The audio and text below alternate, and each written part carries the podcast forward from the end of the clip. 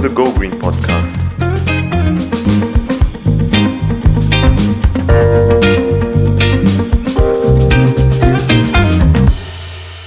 Welcome back to the second part of my conversation about permaculture with Annelies. This part is mostly about the opportunities but also the limits of permaculture. Enjoy! I'm, I'm really um, happy about like in which direction this conversation is going because I think the question everybody is asking, and I'm pretty sure you get this question also a lot, like what is the impact of permaculture? What are the possibilities of permaculture? Um, how how big can be the impact in the future in order to help us overcome the climate change or at least um, be more resilient to climate change? That's that's a really good question, and I think you know what. Like for me personally, I would say that firstly, it starts with with the minds of people. You know, I think the more people know about permaculture and and this way of looking at things, you know, the better off we are. So like, doesn't True. even have to mean that immediately everybody has to start doing permaculture, but it can create this shift of consciousness uh, I know that for me that was the case. Like you know, there's this kind of strange thing that happens while you know permaculture is just a design method, but there's this kind of strange thing that tends to happen that it becomes like kind of like a lifestyle or a way yeah. of looking at things. And and I think that's firstly the most important impact that permaculture could have. That's why we are doing the podcast. yeah that's awesome. And and like you know like i'm so like because i feel so lucky that i can do this like teaching permaculture to people. Like it's amazing you know because i feel like wow like this is better than you know than just designing my own place and working with it. Like spreading this knowledge is definitely better and and it's a real impact because people open their eyes to the complexity of well the complexity and the simplicity at the same time of the natural systems and how to better take care of it. Exactly. I think that's that's that's so important because i think for me personally it's it is hard to imagine a future where every like the all the food we consume as human beings is produced in a very permaculture way. But i think it's about small things we can hopefully also integrate in like the modern agriculture.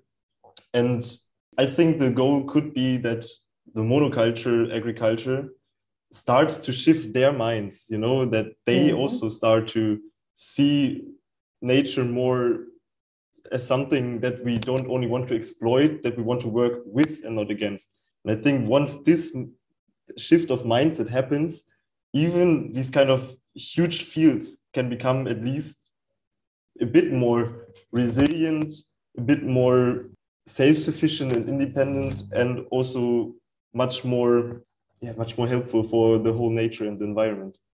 Yeah, yeah, yeah, exactly. I totally agree, and this is this is the whole point, right? Like we we need to have completely different systems in order to even imagine a future where everybody would be doing permaculture and and that's a question like can that really still happen but you can start you know the transformation um, yeah. I, I do think that the changes uh, like that this societal and cultural changes that we need they come now from bottom up because because we've created a system somehow along the path of evolution a political system that's so slow and rigid it, it doesn't really you know it doesn't seem to react to like fast enough to the information that we have of the pressing urge of of climate change and and the climate crisis. So so it's it's up to the people no? And and i think people mm-hmm. tend to feel powerless but we're not you know?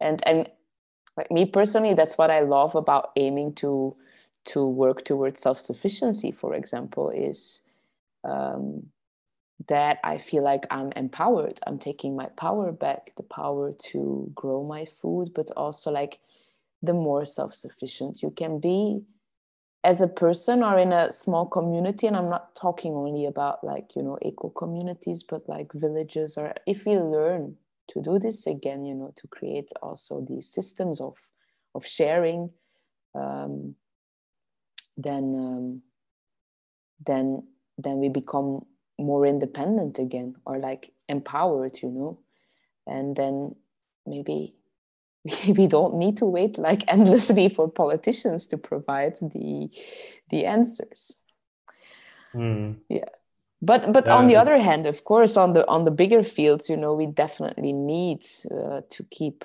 pushing politics and economical systems to make changes permaculture is really perfect for uh, becoming more independent and not being so reliant on the decisions of politicians, of policy making. And I think that's really a core thing in our time nowadays because maybe, I don't know if it's a good example right now, but maybe we can even look uh, into the horrible war right now with uh, Ukraine and Russia, and we can see where dependency, like being dependent on someone or something, can lead to because whole Europe is dependent on the fossil fuels from Russia. So we are kind of powerless. So that's why I completely yeah. get you when you say having your own garden, being self-sufficient and independent empowers you. And I think that's very true. And I think yes. humans should learn that again, even though we are living in a globalized world where everything is kind of interconnected and every country is trading with every country, which is nice. It has a lot of benefits, but we are not really aware of how dangerous that also sometimes can be. Yeah.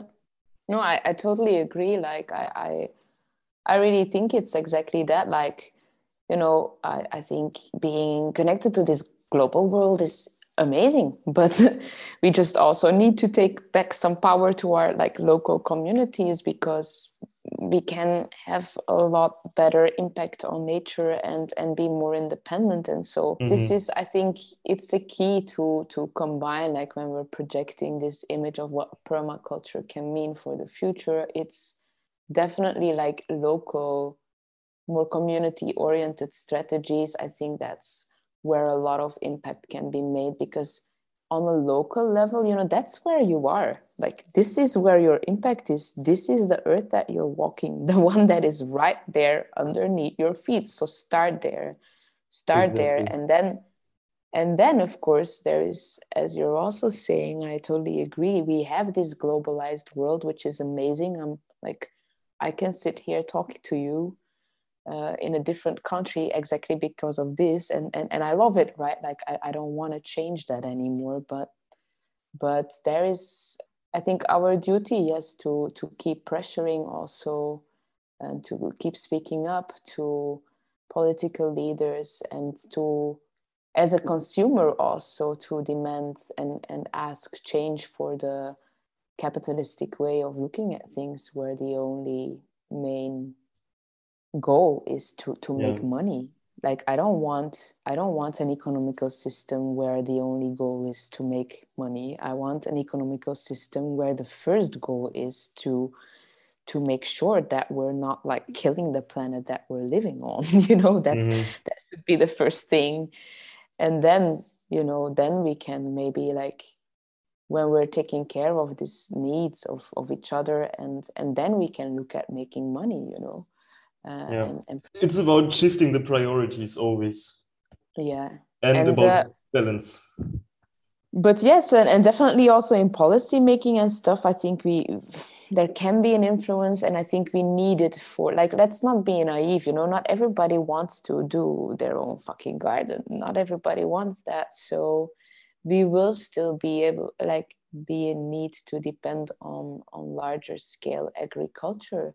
But if we can find ways and they are already existing if we can change that people learn how to feed their soil again instead of kill it you know mm. if we can do this no-till kind of engineering for the tractors and if we can get policy making and like politicians and economical systems to also go into this transition then like it's not like permaculture as a field it's not it's not complete you know it's not like finished. It's just simply a set of principles and ethics a way of looking at things. Yeah. And the methods and the strategies that we will use they will be hugely depending on the on the situation you know? So totally. in that situation is like well i do want to grow like a whole lot of grains you know. Then this is you know this is the boundary in which you're working what you've defined and you need to get to your targets. But this is the whole point right? Like that if policy making can can support transformative and regenerative systems again we will also see a huge shift in technology that might you know that might enable agriculture to become even more regenerative as what we currently know. And and i do believe that for sure that this is possible. And um, yeah so that's you know kind of coming back to this impact of, of permaculture. I think that's that's the biggest you know thing that we need to make people aware of this kind of way of thinking again. And and i think that's the most important thing. And if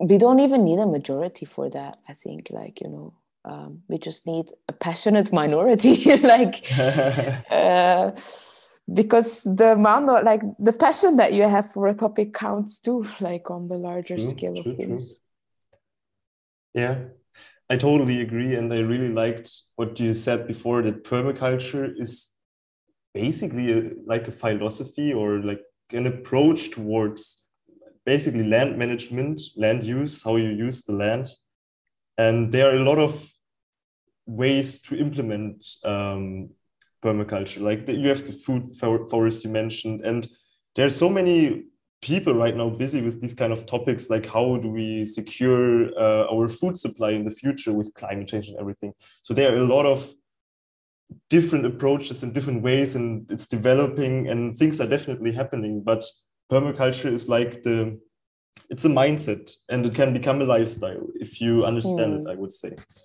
Yeah exactly. It's a it kind of just like it's only loose related but it, it it it makes me think of like you know i'm like at the moment i'm for example well now it's march but currently the last years i've been a little bit embarrassed even showing my gardens because people are like well they don't really look great. You're not producing a lot. And um, you know I, I live in bulgaria. We have the babas here the grannies in the village. They're you know they have definitely a lot more tomatoes than me but again you know it's about this about this resilience and uh, what they don't know is that i'm actively training my tomatoes to like not water them at all. Uh-huh. um, so what i'm doing is i'm just collecting seeds of of the plants that do well so we have like like last year we had two months of like no rain whatsoever like really wow. not and i think i watered them like twice in these two months like one time in a month that's a good and example, there, yeah. And there's still tomatoes that do fine. And from these tomatoes, I will take the seeds. So this is the impact that this way of thinking can can have, right? Like my goal right now is not to produce as many tomatoes as fast as possible, but my goal is to save seeds so that when in five or 10 years from now, it's getting even hotter and drier. I will have very good tomato plants that actually can, um, you know, survive these conditions. Mm-hmm.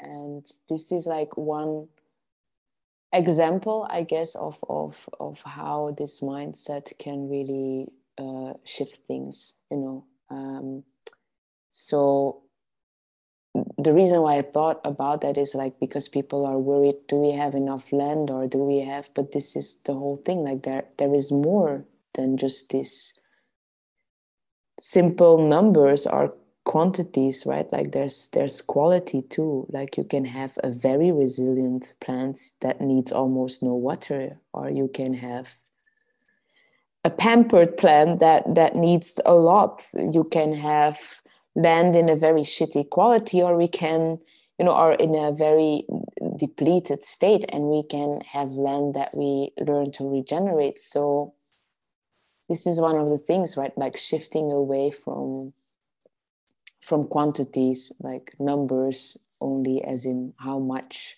but mm.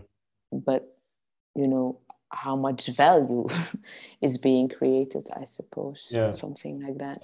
But i think that's also something in general like in society it is it is developing that people are not only thinking about quantities anymore but also care especially when it comes to food more and more about the quality of the food so yeah. there are more and more people interested in eating healthy organic vegetables and yeah so something is happening there in general in the for sure sense.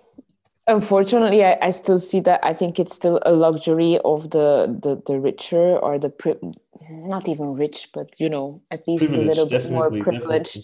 And um, like if you're still concerned about like being able just to get through the month but this is then then organic is definitely not gonna be on your mind. You're if your choice is few carrots or a bread you know you're gonna take the white bread that costs one euro you know or even go for the mcdonald's burger because it will cost you two euros. It's gonna fill you you know so yeah.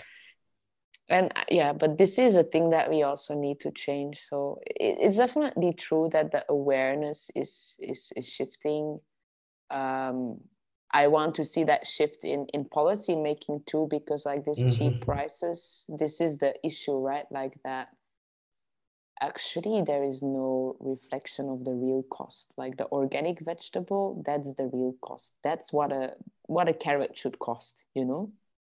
Yeah, and especially there's no reflection of the environmental damage exactly so if, if that's like... exactly what i wanted to say yeah that okay. if the carrot costs less that there is that means that there's no reflection of the environmental damage or of yeah. the you know um, kind of very poorly paid partially illegal labor that might yeah. be happening you know like all of this kind of things so so that's that's a job for policy making for politics and for the economy yeah. to to make sure that these things are really measured in the price.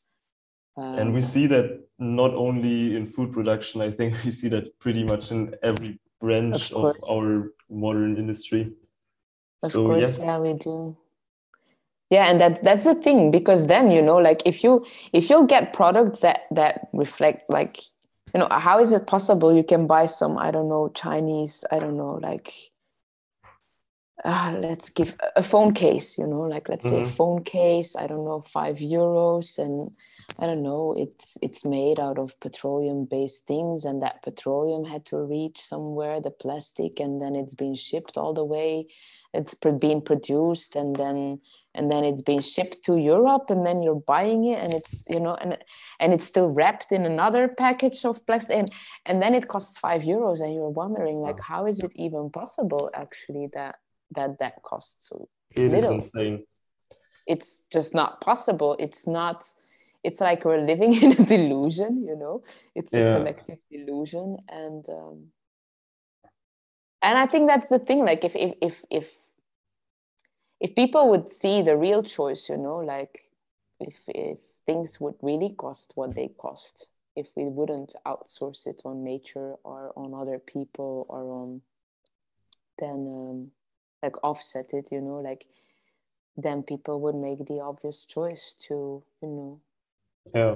choose quantity uh, so quality far, choose quality again yeah yeah but so far it's unfortunately still a pretty yeah a privileged thing but that's yeah. that's also a topic maybe for another podcast episode yeah i think because so, it's a huge topic I hope we could give you um, a good overview, uh, introduction into permaculture, about the idea be behind permaculture and yeah, the whole mindset behind it.